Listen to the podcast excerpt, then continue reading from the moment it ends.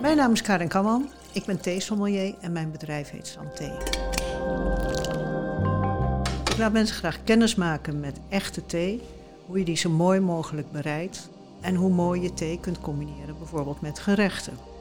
In deze serie podcast gaan Stefan en ik in gesprek over allerlei aspecten rondom echte thee.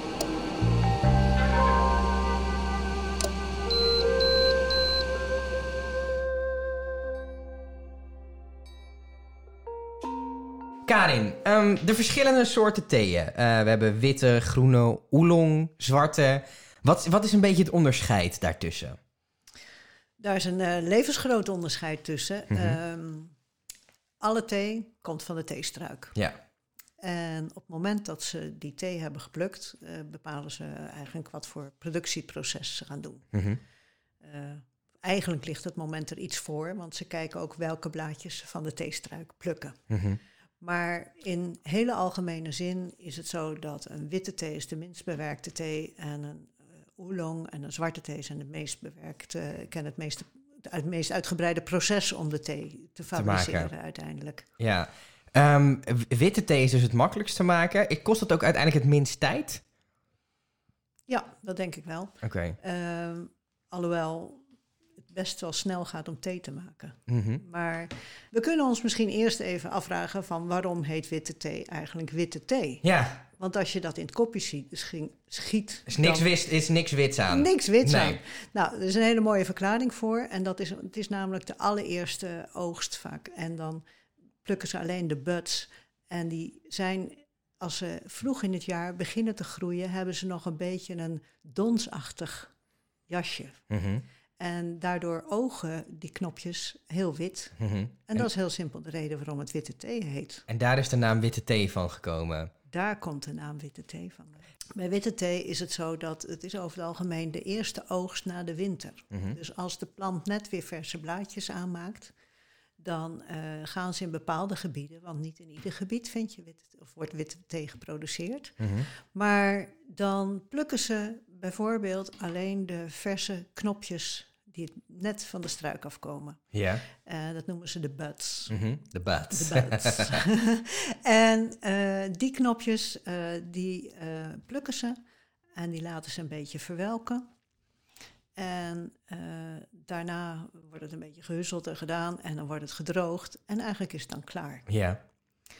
En dat zijn thee met alleen de knopjes. En je hebt ook witte thee, daar gebruiken ze bijvoorbeeld, behalve de knopjes, ook het eerste of het tweede blad Mhm. daarbij. Dan noemen ze die thee weer anders. Ja.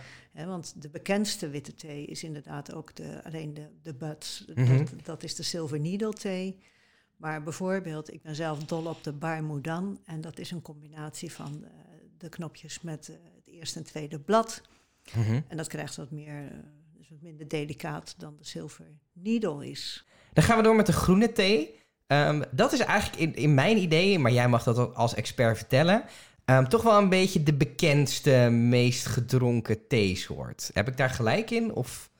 Ik denk dat je zeker wereldwijd gesproken daar groot gelijk in hebt. Mhm. In, in China wordt heel veel groene thee bijvoorbeeld gedronken. Mhm. Eh, denk dat dat daar de meest gedronken theesoort is. En wereldwijd wordt groene thee alleen maar populairder. Mhm. En dat is omdat eh, daar hele ehm, aan de eigenschappen van de thee eh, worden gezondheidskenmerken toegedicht. Mhm. Dat het, vol, het zit vol antioxidanten, eh, het heeft allerlei catechenen in zich en, en, noem maar op, die heel Mhm. goed voor je lichaam zijn. Dus in de huidige health tijdsgeest spreekt dat gewoon mensen heel erg aan. Exact. Als Ja. je maar veel groene thee drinkt, dan heb je heel gezond, Gezond. de gedachten. Ja, en groen is ook een mooie kleur daarvoor natuurlijk. Het is een mooie kleur. Mhm. En eh, ze gaan zelfs in Japan nog een stukje verder. En, en heel veel mensen kennen wel matcha thee. Ja. En dat is de groene thee die tot poeder vermalen is. En Hm. dan drink je in feite het hele blad. Ja. Dus niet alleen maar het stofjes die uit het, de extractie komen, Komen, maar het hele blad. ja. En dan heb je dus de volledige powerpack aan gezondheid, Gezondheid. en antioxidanten en dergelijke. Dus het is ook objectief gezien wel echt het gezondst. Het is niet alleen de kleur. Dat mensen associëren met... eh, Ja, dat Ja. klopt. Het wil niet zeggen dat zwarte thee niet gezond is. Nee, natuurlijk, natuurlijk. Thee is over het algemeen best gezond, toch? Ja, Ja. zeker. Ehm, wat is het grote verschil tussen witte en groene thee? Want het is een beetje één stapje verder op de ladder, zeg maar. qua productieproces? Ja, dat klopt. Ehm, bij groene thee, eh, om te beginnen is het zo dat er eh, meer gedeeltes van het blad geplukt worden over Mhm. het algemeen. En dan hebben we het over de knop en de twee blaadjes, standaard.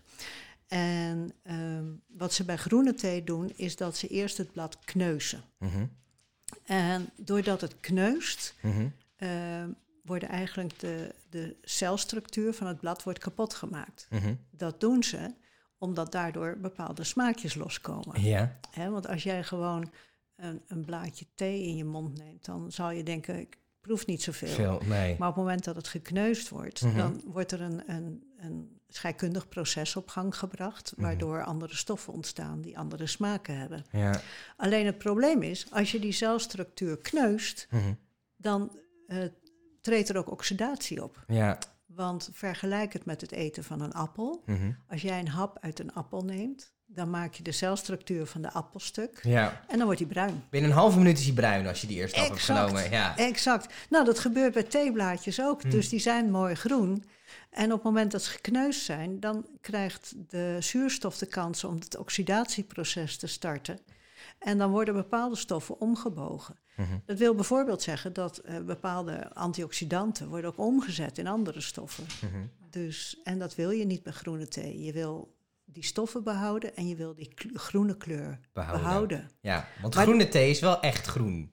Groene thee is echt groen, ja. Ja. Maar daar hebben ze iets heel slims op bedacht om dat, eh, te zorgen dat die- die blaadjes groen blijven. Mhm. Namelijk door het te verhitten. Mm. Want als je het verhit, dan stop je het oxidatieproces. proces en dan blijft hij groen. En dan blijft die groen. Nice. Dus dat gaat ook heel snel allemaal. Ja. En dat doen ze bijvoorbeeld in China door te bokken. Ja. En eh, in Japan door te stomen. Toch een beetje klassiek ook weer wat bij de cultuur past, zeg maar. Ja, eigenlijk wel. Ja. Vind ik ook wel. Leuk. Ja. Ehm oolong is geen kleur, toch? Nee, Maar hij zit als enige niet kleur tussen de kleuren. dat klopt. Eh, de letterlijke vertaling van oolong is blauwe draak. Dus eigenlijk is het blauw. Blauwe thee. Lijkt me heel raar thee dat er blauw, dat er blauw uitziet. Ja, maar er is niks blauws eh, wat eruit ziet eh, uiteindelijk. Nee, de oolong is een eh, bijzondere thee, Mhm. want die zit eigenlijk tussen groen en zwart in. Ja. En dat wil zeggen dat die gedeeltelijk geoxideerd is. Mhm. Dus waar je bij groene thee het oxidatieproces direct stopt, Mhm. ga je bij oolong Wat langer door. wat langer door. En dat kent heel veel gradaties. Mhm. En het is dus aan de theemeester Mhm. om te bepalen hoeveel eh, oxidatie die wil toestaan. Want dat heeft invloed op de smaak. Dus de theemeester weet van ik wil thee maken met zoveel bloemigheid of zoveel fruitigheid. En dat wordt voor een deel bepaald door hoeveel het blad geoxideerd is. En wat is dan een beetje de grootste smaakverschillen als je het concreet maakt tussen groene thee en oolong? In algemene zin, dan heb je met eh, groene thee ehm, heb je eh, het, het vegetale karakter. Of Mhm. als het Japanse thee is, wat meer het maritieme karakter. Mhm. En dat kan ook heel erg een umami smaak hebben, dat Ja. hartige, met Mhm. name Japanse theeën. En bij oolongs, ja, de familie oolong is een hele grote familie. Mhm. En al die broertjes Het is een familienaam, oolong. Ja, eigenlijk Ah, wel. oké. Ja, en al die broertjes en zusjes lijken helemaal niet meer op elkaar. Maar het is wel één familie. Ja. Maar eh, je kan een oolong hebben die heel bloemig is of heel fruitig is. Mhm. En het kan ook zijn dat ze die thee gaan roosteren. En dan eh, kan die ook eh cacao-tonen haast hebben. Mm, dan ga je helemaal naar de andere... Ja, lekker. Ja. helemaal naar de andere kant toe. ja. Dus de familie oolong is eh, enorm groot, maar daarmee ook eh, erg interessant qua smaak. Ma- Mag ik, ik, ik ken je ietsjes langer. Ik heb het idee dat oolong jouw favoriet is. Klopt dat? Of Ja, mag, wel- mag een theesommelier dat niet zeggen? Nou, ik mag het wel zeggen, maar het, eh, ik kan soms ontzettend veel zin hebben in een groene thee. Mhm. eh, of juist in een zwarte. Maar juist door de diversiteit van oolong Mhm. eh, hou ik er erg van. Is hij ook Eh, misschien het interessantst? Is interessant. Veel oolongs komen ook uit Taiwan. En ik ben toch wel gecharmeerd van de Taiwanese thee. Ja. Ja. Daar zijn ze er heel goed in. Ja. Ja. en zwarte thee dan nog? Het rijtje even afsluiten. ja, als we het rijtje afsluiten, dan komen we af aan bij zwarte thee. En eh, ja, je voelt hem al een beetje aankomen. Ja. Die thee is volledig geoxideerd. Ja. En dat is het grote verschil. Ehm, Dus eh, na het kneuzingsproces eh, mag die thee lekker in het zonnetje liggen en Ja. helemaal drogen en, en oxideren. Ook zwarte thee wordt daarna vaak weer bewerkt. Mhm. Hè, net als eh, eh, groen of oolong kan het gerold worden, wat weer andere smaakjes op gang brengt, of het geroosterd worden. Er zijn eh, allerlei mogelijkheden in wat weer bepaalt wat uiteindelijk de smaak gaat worden. Je ziet toch ook wel een beetje dat de cultuur ook een beetje bepaalt welke thee het meest gemaakt wordt? Bepaalde landen die wat meer aan de ene kant zitten, bepaalde landen die Ja. wat meer aan de andere kant zitten.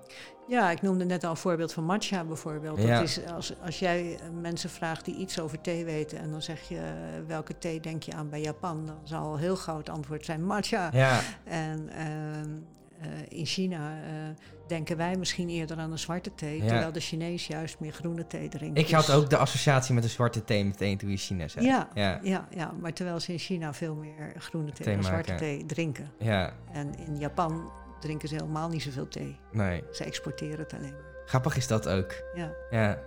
dus Karin, dankjewel weer. alsjeblieft.